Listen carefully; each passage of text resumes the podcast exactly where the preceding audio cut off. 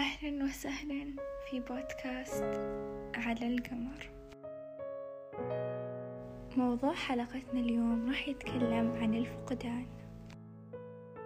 طبعا الفقد له أكثر من نوع والموضوع مرة معقد وحاولت أختصر الموضوع. طبعا النوع الأول يوم تفقد شخص غالي لكن عايش والنوع الثاني يوم تفقد شخص لكن توفى. مهما كانت الأنواع ومهما كان اللي بينكم أكيد بيكون في شوق وحنين لعلاقتكم مع بعض وكيف كانت وكيف الضحك والفرح والسرور اللي مات من بعد ما غادر ذا الشخص. ومثل ما يقولون الشوق يوجع ويذبح. لكن ليه أخلي ذا الشعور اللي يوجعني ويذبحني أستسلم؟ له أخليه يقتلني.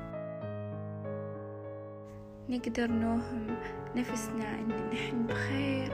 صح أشتاق للشخص بس بدون ما أحس بشعور اللي يذبح. يعني أشتاق بدون ما أحس بشعور آه يوجعني.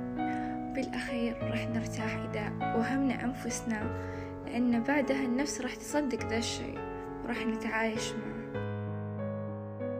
طبعا من أهم الأشياء هو التعلق بالله والتوكل عليه لأن ما حد راح يبقى معك في الدنيا هذه غيره سبحان الله تعالى. وبعدها نفسك. ونفسك حاول تعوض الفقد بأشياء جديدة تكون فيها فايدة مثل مهارة هواية تجربة وأشياء ومغامرات وأشياء أنت تحبها.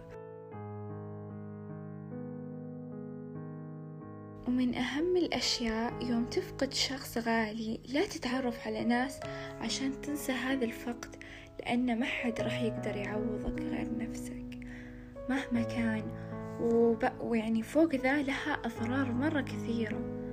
هذا الشخص اللي تعرفت عليه ما راح يكون نفس الشخص اللي فقدته. وكل شخص يختلف عن آخر. فراح تدمره وتدمر نفسك وتدمر كل اللي حولك بسبب ذا القرار. وبالنهاية الكلام سهل لكن الفعل صعب. بس مو بمعناتها أستسلم لمشاعر تذبحني أو شيء يفقدني طاقتي. ودمتم بخير.